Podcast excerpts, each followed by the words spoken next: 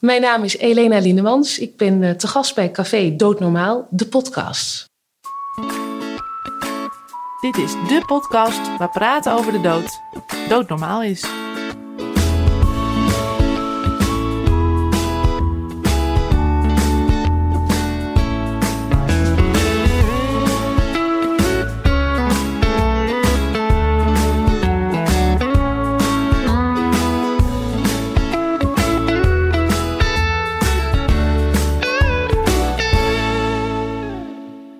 Vanuit een leeg kantoor van de NVVE heet ik je welkom bij een nieuwe aflevering van Café Doodnormaal, de podcast. Mijn naam is Gerard Ekelmans en tegenover mij zit Sebastian Hattink. Ja, we hebben het dit seizoen hebben we het over euthanasie bij psychisch lijden. We hebben een aantal verhalen gehoord van situaties waarbij euthanasie een mogelijkheid was. Maar er is natuurlijk een hele grote groep, of een veel grotere groep van mensen die psychisch lijden, waarbij euthanasie geen mogelijkheid is. Nou, vandaag hebben we in de studio Elena Lindemans. Uh, haar moeder besloot zelf om een einde aan haar leven te maken nadat haar euthanasiewens niet ingewilligd is. Dit deed ze op 25 februari 2002 door van een flat te springen. Dochter en documentairemaker Elena Lindemans heeft hier in 2013 een documentaire over gemaakt, genaamd Moeders springen niet van flats. Vandaag schuift ze bij ons aan om het verhaal van haar moeder te vertellen. Elena, welkom. Dankjewel. Elena, kan jij in het kort het verhaal vertellen van je moeder?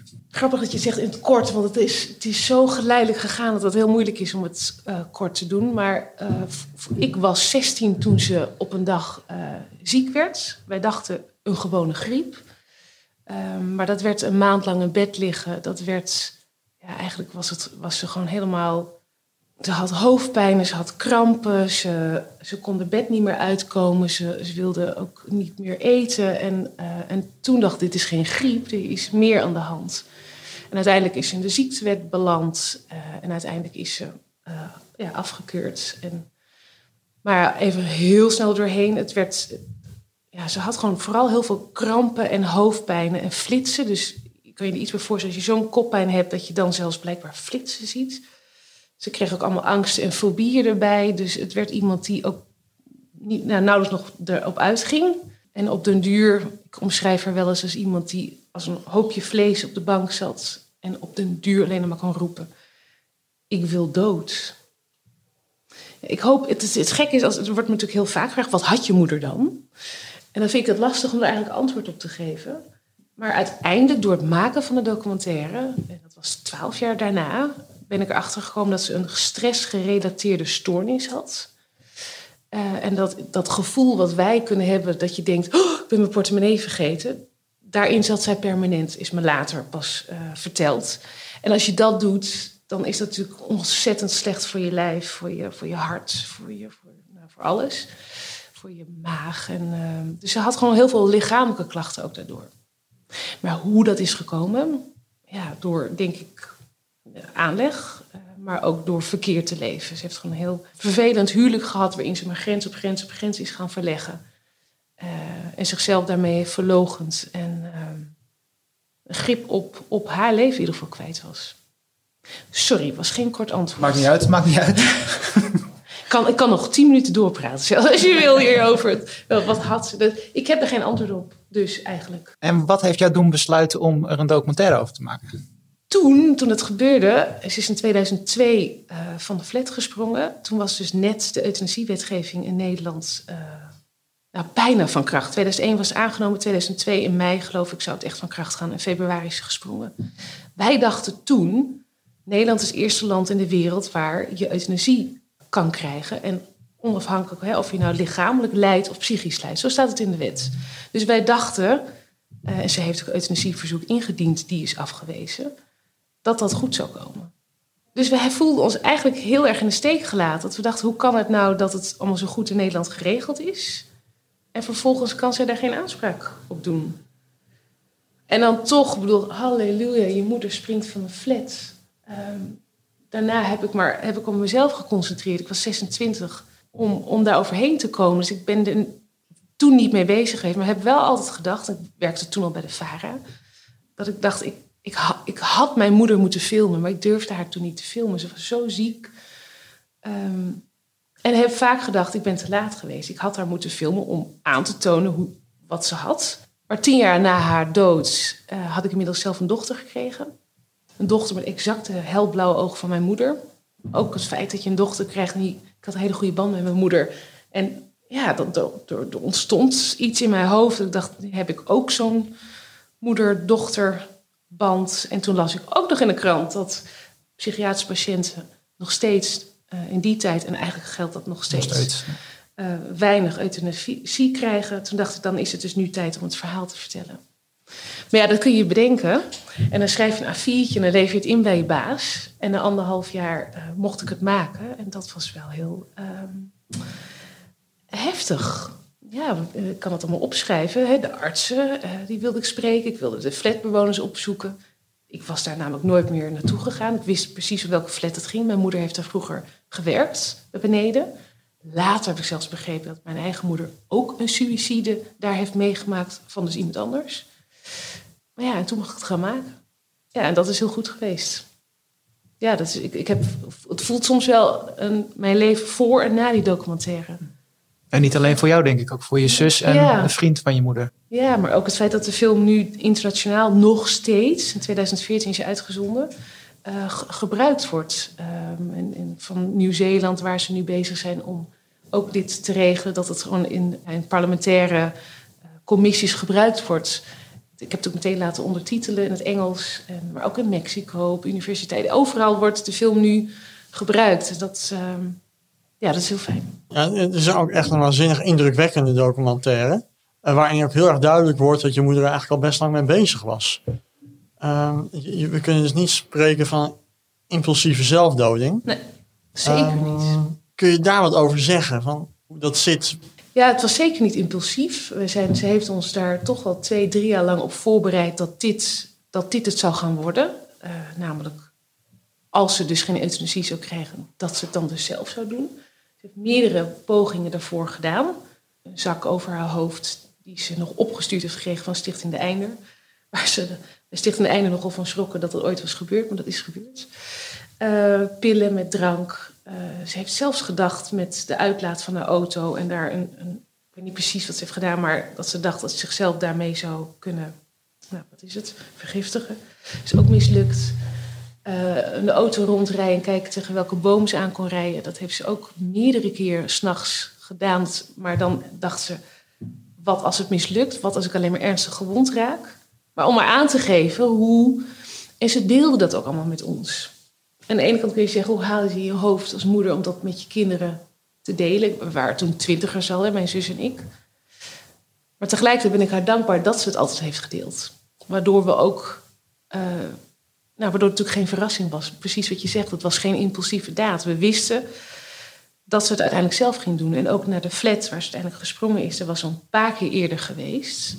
Heeft zelfs, hè, toen ik de film ging maken... en pas echt met mijn stiefvader en met mijn zus een gesprek heb gehad... heb ik gehoord dat mijn moeder zelfs vanaf die flat...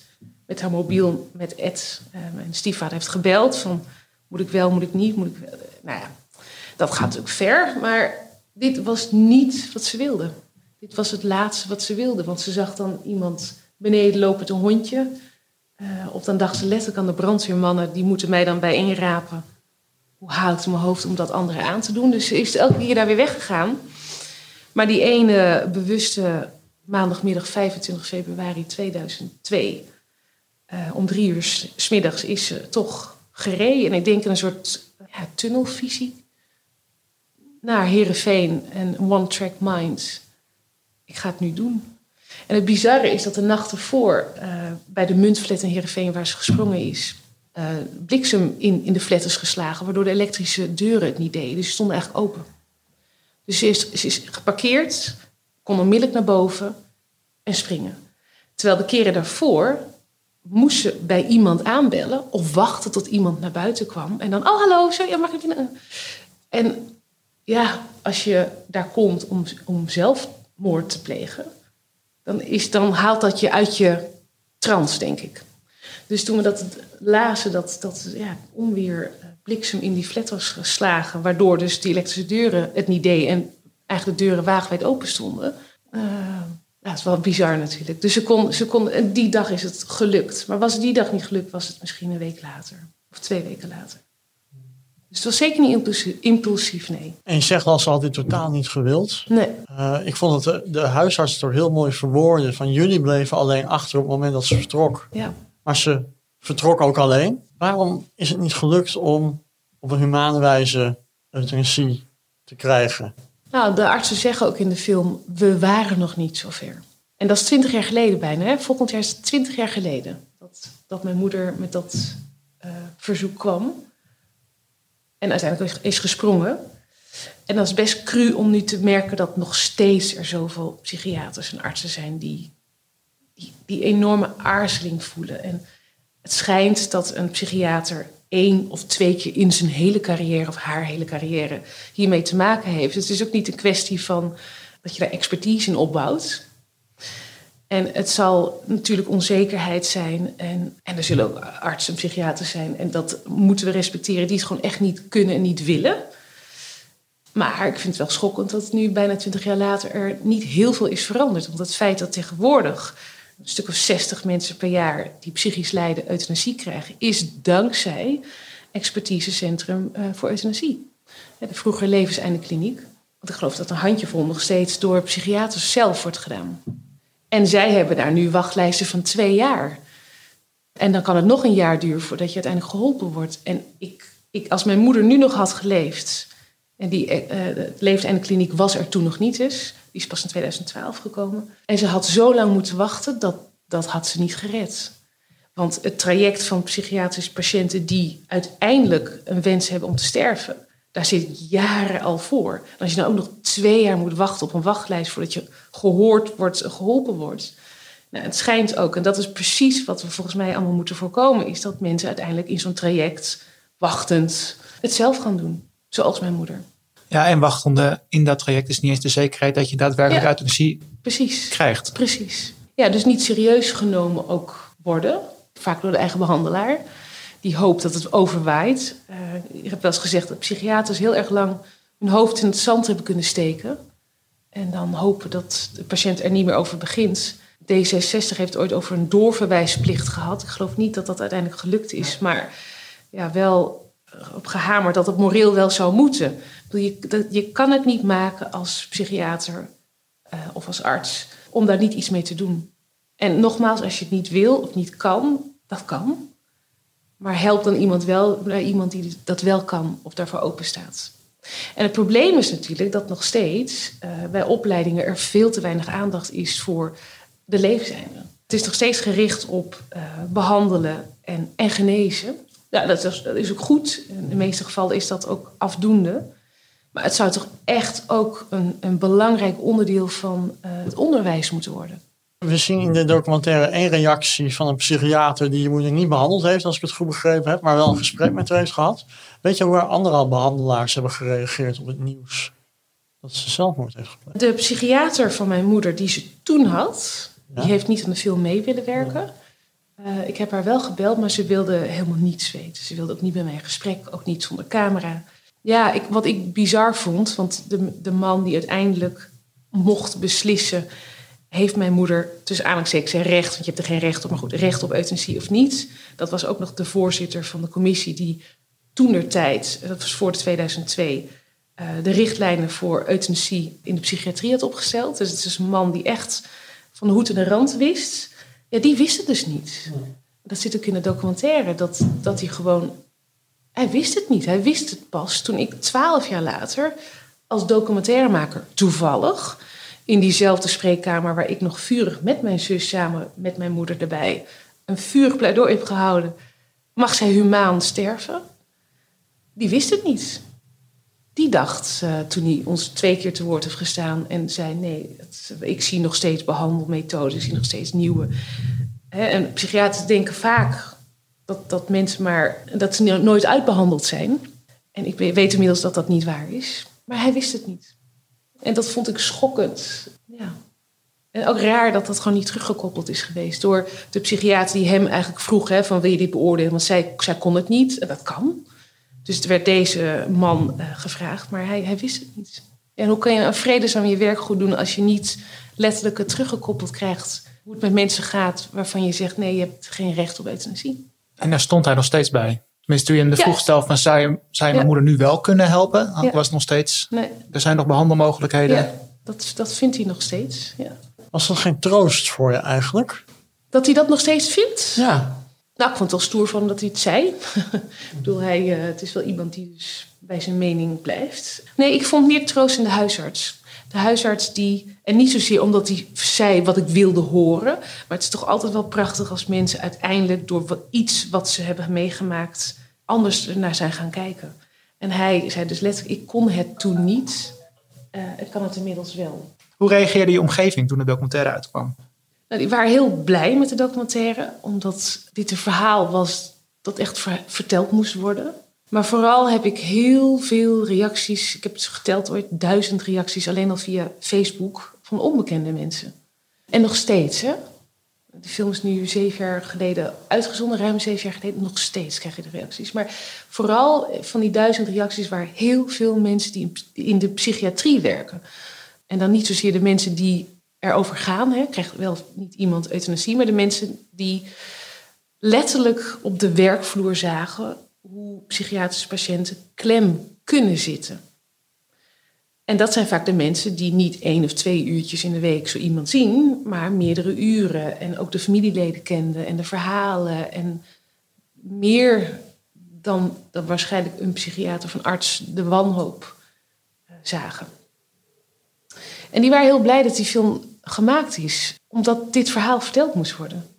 Ja, en het heeft uiteindelijk ook, ja, mijn film heeft daar ook mede aan geholpen. De tijd was ook rijp. Dat was in die tijd ook, volgens mij nog steeds, hè, de week van de euthanasie. Eh, maar er is een hoorzitting gekomen. Er zijn toen een stuk of twintig mensen ook gehoord. Uiteraard de KNMG en, en dergelijke, de NVVP. Ehm, maar ook ik als documentairemaker. En dat vond ik heel bijzonder. En heb daar eigenlijk wel ook wel gepleit dat ook familie gehoord zouden moeten worden. En dat, dat ook, ja, noem het familieparticipatie, dat ook zij een zegje kunnen doen. Zoals mijn zus en ik dus hadden gedaan. En dat heeft toen niet geholpen, maar ja, wij, wij als familie om zo iemand heen kunnen nog beter benadrukken wat er aan de hand is. En als ook de familie erachter staat, zegt dat nogal wat. Jullie zijn heel nauw betrokken geweest in het hele traject met je moeder. Ja, omdat ze dus zo open was en zo ontzettend alles eh, ventileerde. Ja, we waren haar bondgenoten, zo zou je het echt kunnen zien. En ik heb, eh, ja, maar even terug in de tijd. In die tijd had je nog internet dat je met een modem moest inbellen. Met dat klerengeluid dat je dan hoorde. En ik weet nog dat ik dat aan het doen was. En dat de, de huisarts van mijn moeder, die ook in de film zit, de heer Hoekstra... die was bij mijn moeder voor de zoveelste keer. Omdat mijn moeder hem wederom smeekte geef mij anders zelf de middelen. Want ik hoef niet zozeer euthanasie, maar dan wil ik het zelf doen. Ik wil niet op een gewelddadige manier een einde aan maken. Maar als jij het niet durft en kan, dat snap ik, maar geef mij dan de middelen. Nou, dat wilde hij niet. En toen zei mijn moeder, mijn dochter, en ik zat dus, dat was ook te horen dat ik het internet op ging, verderop. Die is nu aan het uitzoeken waar ze in de wereld toch dat kan vinden. En dat was ik ook aan het doen. Uh, omdat ik ook dacht, weet je, als alle artsen haar niet willen helpen, dan ga ik het zelf zoeken. Dan ga ik het zelf uitvinden. Ik had net gevonden dat Karin Spank volgens mij ergens had geschreven dat ze al iets, iets had wat in een nachtkastje lag. En dat gaf vooral genoeg rust en zo. Toen dacht ik, het is er dus. En ik was het aan het zoeken. En toen uh, werd ik door mijn moeder erbij geroepen bij haar en de huisarts die nog bij haar was. Want ze lag op dat moment in de slaapkamer in haar bed. En toen zei mijn moeder, je moet onmiddellijk stoppen. Want Hoekstra zegt, als jij hiermee doorgaat, hè, dan, dan ben ik, zegt mijn moeder, straks dood. En dan word jij opgepakt omdat je medeplichtig bent. Dus het excuus dat ik het ooit heb gevraagd, maar die route gaan we niet bewandelen. En dat heb ik ook niet meer gedaan. En pas later kwam natuurlijk de zaak Heringa. Dat ik dacht, ja, ik krijg er weer koud van. Dat ik dacht, jee, ja, ik heb daar toen niet over nagedacht. Ik had het, als het was gelukt, had ik dat gedaan. Maar goed, dan is toch de vraag als het binnenkomt hoe we het dan hadden gedaan. Maar ik, ik als dochter toen van 25 wilde niet anders dan mijn moeder helpen. En ik, als ik het had gevonden, dan had ik het besteld en dan hadden we hadden we het gedaan. Nou, in zeker opzicht heb je je moeder natuurlijk ook geholpen, want je hebt haar wel die ochtend laten gaan of die middag. Ja. Dat je wist dat dat het moment was dat ze een eind aan haar leven ging maken. Ja, dat, uh, dat was gewoon heel. Ik was de hele dag bij haar. En uh, ze wilde het doen. Ik voelde het ook aan alles. Ze was eigenlijk niet zo goed meer te bereiken. beschrijf het wel als een soort opgejaagd hert was het. Was ze rondjes door de kamer aan het lopen. En alleen maar laat me gaan, laat me gaan, laat me gaan, laat me gaan. En met de hoofd tegen de muur aan bonken. En, ehm, en ik had die dag dienst, eh, want we konden haar niet meer alleen laten. Maar ik heb haar vriend toen gebeld gezegd: Ik hou haar niet meer hier. En die is toen onmiddellijk gekomen. En die heeft er toen uiteindelijk heel lief bij haar hoofd beet gepakt en gezegd: Liefje, als dit echt is wat je wil, dan moeten we je laten gaan. En ja, ik was alleen maar bezig die hele dag om haar binnen te houden. Want ja, dat, dat wil je niet. Ik wilde het, bedoel, het, ik dacht, is nou ja, niet op deze manier. Uh, maar toen kwam er een hele rust over haar heen. En was ineens weer toch mijn moeder. En toen was het gek genoeg ook goed. Ja, volgens mij ken je het verhaal natuurlijk in de film. Hè, dat ze dan me nog heeft gevraagd: mag ik nog een laatste knuf, hè, laatste knuffel? En dat weet ik niet meer of ik dat wel of niet heb gedaan. Dat... Maar we hebben er laten gaan. En dat voelde gek genoeg toch goed. Ed wist het, haar vriend. Ik wist het wat ze ging doen. We wisten ook precies waar ze naartoe ging. Ze heeft niets gezegd, maar we wisten het. Zal die flat wel weer zijn. Mijn zus gebeld en gezegd: um, ze gaat het nu doen. Waarop ze nog zei: moet ik die kant op? Nee, we moeten haar laten gaan. En ja, Sting zingt uh, If you love someone, set them free. Ja, en dat is het. En later heeft iemand wel eens gezegd dat is eigenlijk de hoogste, ja, kun je daad noemen, van, van ja. liefde om iemand los te laten. En dat, dat, zo voelde het ook. Dus we waren in gedachten bij haar. Ik kan je niet omschrijven hoe, hoe krankzinnig die uren zijn geweest. We hebben er namelijk uren de tijd gegeven. Omdat we wilden voorkomen, als je te vroeg belt, dat dan de politie bij die flat zat haar stond op te wachten. Nou, dan doe je zo'n melding hè, van uh, onze moeder, onze partner is uh, in verwarde toestand. Heeft ze het huis verlaten. Uh, we vermoeden naar die die flat. En dan twintig minuten later staat er een agent. want dat doen ze persoonlijk, wat heel netjes is natuurlijk. Hè, staat er een agent aan de voordeur die bevestigt dat, dat ze het heeft gedaan. Nou, ja. toen, werd, toen werd ik wel weer gek, gek genoeg. Toen werd ik wel echt gek. Dat ik dacht want als je zoveel jaren al in die struggle zit van ze gaat het doen. En het was ook een way of life geworden, gek genoeg. Constant, al die suïcidepoging, constant. En, en nu klinkt het heel rooskleurig, maar ik werd er ook wel doodziek van hoor. Dan was ik een lange werkdag en dan kwam ik thuis en had ik mijn moeder aan de lijn. En dan vertelde ze wat ze had ondernomen. En dan echt alle energie trok me uit mijn lijf gewoon weg. Ik dacht, oh, het was, het was, het was verschrikkelijk. Dus op een duur en daardoor denk ik ook dat we. Ja, het, het was een denderende trein die ooit ergens tegenaan zou knallen. We wisten alleen niet hoe en wanneer. Maar die dag, uh, ja, gek genoeg, ja, waar we allemaal, ook mijn zus, die, die had ook zoiets, ja, we moeten laten gaan. En zou je dan kunnen zeggen dat het een soort van, ja, het is misschien niet helemaal het juiste woord, opluchting is, dat het haar toen ja. gelukt is om ja. het lijden te stoppen? Ja, ja, want ze lag in kamer 2. En dan krijg je op een gegeven moment wordt het uh, lichaam vrijgegeven door de politie als is uitgesloten dat het niet om moord ging, maar om zelfdoding. Dan gaat ze dus naar een mortuarium. Zeg ik het goed? Nee, uh, naar de plek. Ja, wat is het eigenlijk? Naar de plek waar, waar je dan nog iemand kan bezoeken. Haar achterhoofd was helemaal kapot en haar uh, kaak was helemaal verschoven. Dat hadden ze min of meer weer recht gezet. Dus het, ze zag er wel heel toegetakeld uit. En in die kamer 2, ik weet niet waarom ik het heb onthouden, maar eh, voor mij is dat kamer 2. Als ik dan binnenkwam op één bepaalde hoek in de kamer, dan aan profiel was ze nog te herkennen. Was het gewoon mijn moeder. Mijn zus, die, die kon het maar niet, die twee dagen. Maar wat ik zag, en ik was dus alleen en volgens mij ook met Ed naar binnen gegaan, maar wat ik zag waren haar handen. En haar handen waren echt tien jaar lang, echt ook hier, hoe noem je dit? Is het zijn het eigenlijk klieren? Ja. ja. Alles was in haar stijf en strak. En, en die, uh, ze had ook meerdere uh, bitjes gehad om mee te slapen, omdat haar kaken constant zo strak stonden. Dus alles was zo verhard en pijnlijk. En nu lag daar ons, ja, wat wil je, ik ben dood, maar dan lag daar een ontspannen vrouw. En ik herkende ineens weer de handen die waren zoals het vroeger was. En ook zelfs haar huid was gewoon weer zonder pijn. Er lag nu iemand die geen pijn meer had. Dus ik heb mijn zus uiteindelijk op de dag van de crematie toch gezegd: Je moet mama zien, want ik heb gezien dat mama nu verlost is. Verlost van haar pijn. En mijn zus had een keer daarvoor al zelfs dan overgeven in de, in de gang, dat het gewoon niet aankomt. En toen heeft ze toch op vertrouwd en zei ik, ik neem je mee naar binnen in die kamer 2. En je doet je ogen dicht. En dan zet ik je op één punt in die kamer. En dan pas mag je je ogen open doen. Als je dan kijkt, zie je mama. En dat heeft ze gedaan. En dat was, ja, dat was ja, magisch. Dat was heel mooi. Dat, ehm, dat was heel goed. En toen heb ik uiteindelijk weer gezegd, doe je ogen dicht. Ik begeleid je die kamer weer uit. En dan... Dus ik ben zo blij dat ze dat wel heeft aangedurfd. Ja, maar we zagen iemand die... ehm, die verlost is van de pijn. Ja, wat ik zo mooi vind in jouw documentaire is ook de. Je hebt de flatbewoners ook gesproken. En van een mevrouw die in de eerste instantie nou, bozig Ja, reageert. zeker, zeker. maar die toch na het horen van het verhaal. Ja, toch meer begrip eh, heeft voor jou. Hoe was dat? Ja, ze zei letterlijk, nu ik dit verhaal ken, kan ik het een plekje geven. Want ze begreep het. Sterker nog, haar woede sloeg om niet meer naar mijn moeder, maar naar de mensen die haar niet hadden geholpen. Zo van, hoe kan het in vredesnaam in dit land, waarin we alles zo goed geregeld hebben, dat je zo in de kou staat? En, maar voor haar was het, even uit mijn hoofd gezegd, de negende of de tiende keer dat ze dus soms ook mensen heeft zien springen, maar vaak daar beneden heeft zien liggen.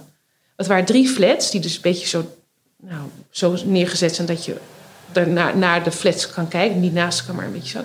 Dus ja, dan kon je gewoon zien als er iemand van een andere flat eh, sprong. Ik heb nog steeds contact met haar. Trouwens, echt? met, met heel veel bewoners. Ja, ja, ja, via Facebook. Of, eh, ja. Heb je misschien achteraf beredeneerd, of misschien wel toen je documentaire maakte, die documentaire ook misschien voor die mensen gemaakt? Nou, ik merk wel, want ik zei net al, hè, die film heeft mij heel erg geholpen en mijn familie, omdat we gewoon eigenlijk erkenning hebben gekregen. Dat, dat wij niet gek waren om haar te laten gaan, dat ze ook echt ziek was. En ook later dus de erkenning dat ze ook echt, nou, niet alleen tussen de oren, en dat het een hysterica was die impulsief eh, zelf, dat is het dus allemaal niet. Maar de film heeft inderdaad ook die flatbewoners geholpen. Maar zelfs ook de artsen. Eh, want de huisarts Hoekstraat, zijn collega's hadden eigenlijk allemaal gezegd: je moet niet aan die film mee gaan werken. Dat, dat was advies, niet doen. Maar hij dacht: ja, ik, ik, ik doe het wel. Misschien neem ik een risico. Want ja, noem het een fout, noem het een. Nou ja, maar hij is gewoon zo bedoeld eerlijk. Hij zegt gewoon: ik was er toen nog niet aan toe. Ik ben anders naar de autonomie van de mens gaan kijken. Dus het heeft ook hen geholpen. Ehm, maar de flatbewoners had ik ook uitgenodigd naar eh, de première in AI. Ik had een bus geregeld, een grote bus, waar ze allemaal in konden. Althans, de mensen die dus mijn moeder hebben zien springen hoor. Niet, niet dat ze, dus er waren denk ik een stuk of twintig mensen met, met familie, met, hun, eh, met eh, volwassen kinderen hoor. En het schijnt dat er een soort Hosanna-stemming na afloop was van de première terug naar Heerenveen in die bus. Eh, omdat ze het allemaal ook het mooi hadden kunnen afronden en een plekje hebben kunnen geven. En in de gaten hadden dat dit eh, nog een, ja, een taboe onderwerp was. Dat dit, dit gebeurt. Maar het gebeurt allemaal achter gesloten deuren. Hè? Het, een, een psychiatrisch patiënt die zijn behandelend psychiater vraagt: mag ik alsjeblieft dood? En antwoord nee. En uiteindelijk dan zelfmoord plegen. Dat staat niet in de krant. Dus het heeft al die jaren altijd, was het er, maar niemand wist dat. En er is nu letterlijk licht op eh, geschenen. Maar het was dus ook erkenning voor de flatbewoners... dat die dus keer op keer daarmee te maken hadden. En dat was voor mij ook een reden om die film te maken... om de maatschappelijke impact ook te laten zien. Want als je een heel streng euthanasiebeleid hebt... of mensen niet kunt helpen bij hulp bij zelfdoding... dan is, is dit een gevolg. Ja, inmiddels zijn we twintig jaar verder. Bijna. Bijna twintig Ja. jaar verder. Zie je nou een verandering? Weinig. Ja, dankzij de levenseindekliniek, expertisecentrum euthanasie, is, is er nu zestigtal dat, dat euthanasie krijgt. Maar eigenlijk weinig. En ik begrijp hoe moeilijk het is hoor. Ehm, ik denk te begrijpen hoe moeilijk het is. Dat je, er is geen tumor die je aan kan wijzen. En hoe, hoe, hoe bewijs je dat je uitzichtloos en ondraaglijk lijdt? Toch, toch is er wel steeds meer begrip voor. Maar het blijft dat eh, psychiaters het toch het liefst dus doorschuiven naar, die, naar, naar eh, expertisecentrum euthanasie. En dan krijg je dus dat soort lange wachtlijsten van twee jaar. Ja, dat kan niet. Dat kan echt niet. En dat wordt denk ik alleen maar meer. Als er dan iets in de euthanasie, de huidige euthanasiepraktijk in Nederland zou moeten veranderen, wat zou het dan volgens jou moeten zijn? Nou, in ieder geval ehm, bij de opleidingen voor psychiaters en artsen, dat daar, dat daar ook gewoon structureel aandacht voor is. Voor, voor eh, mensen die waardig willen sterven, levenseinde. Dat moet gewoon een vaste module worden. En dat is, zover ik weet, nog niet overal zo. Dat zou moeten veranderen. Ook dus familieparticipatie, dat ook familie meedoet. En ongetwijfeld heel veel meer, maar ik, eh, ik ben geen politica, ik ben geen. eh ehm, ja, er meer moeten veranderen? Zou je dat een wettelijk willen eh, toevoegen, zeg maar, de familie? Nou ja, trouwens, ja, over, over, over- je zegt euthanasie, maar wat ik, wat, ik, wat ik eigenlijk zou willen, is dat, dat er een mogelijkheid komt dat je dus hulp bij zelfdoding krijgt. Buiten de arts om. Ja, dat, dat er gewoon zelfbeschikking is. Maar vind je dan dat er bijvoorbeeld een laatste wilmiddel beschikbaar moet zijn voor iedereen, Ja. dus los van de arts? Nou, ik, dat denk ik eigenlijk niet. Want dan krijg je toch dat mensen impulsief het eh, eh, willen het gaan doen. Dat lijkt mij niet. Maar volgens mij, de reden waarom nu heel veel mensen niet, geen hulp krijgen, is omdat psychiaters en, en artsen eh, onzeker zijn. Het is niet iets wat je tien keer in je carrière doet. Of, of het, het, het moeilijk vinden. En dat begrijp ik. Dus als, als je een overleg met een arts, maar het wel zelf kan doen, dan denk ik dat de drempel ook minder hoog is voor artsen en psychiaters. Maar ik zou, ik zou het wel, dat zou ik wel heel fijn vinden als dat toch met hulp van een arts psychiater. Of misschien moeten we iets anders verzinnen.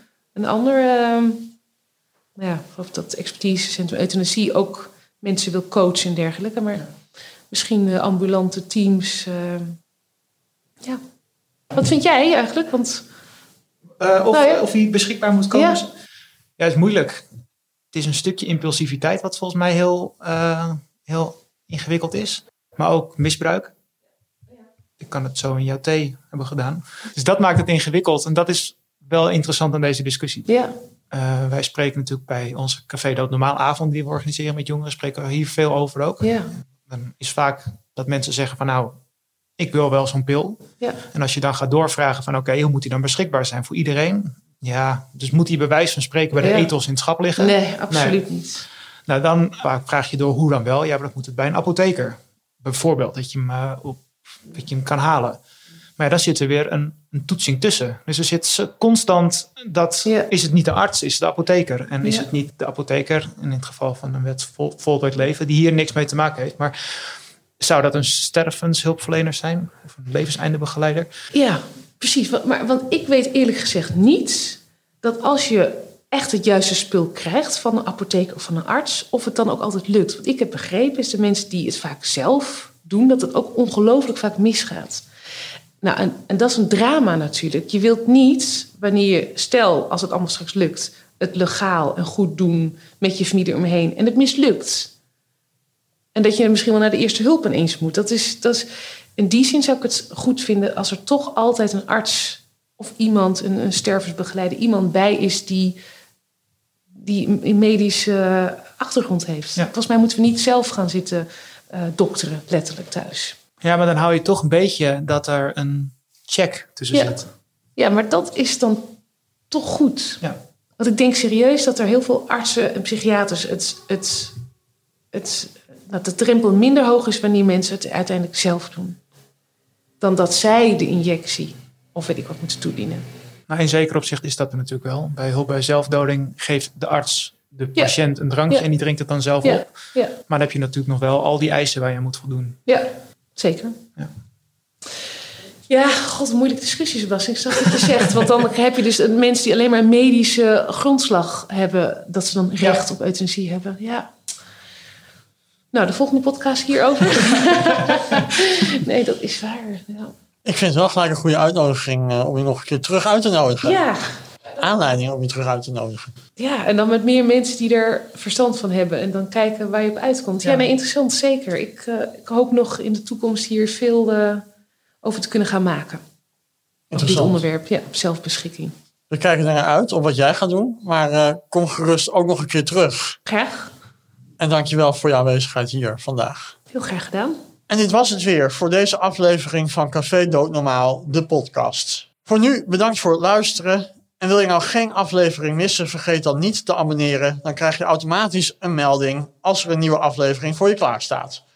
Vond je het nou leuk om deze podcast te luisteren? Laat dan vooral een beoordeling achter. En mocht je nog vragen hebben naar aanleiding van deze podcast, dan kun je altijd mailen naar jongeren.nvve.nl. Als laatste willen we nog de NVVE bedanken voor het mede mogelijk maken van deze podcast. En zeggen we graag tot de volgende aflevering.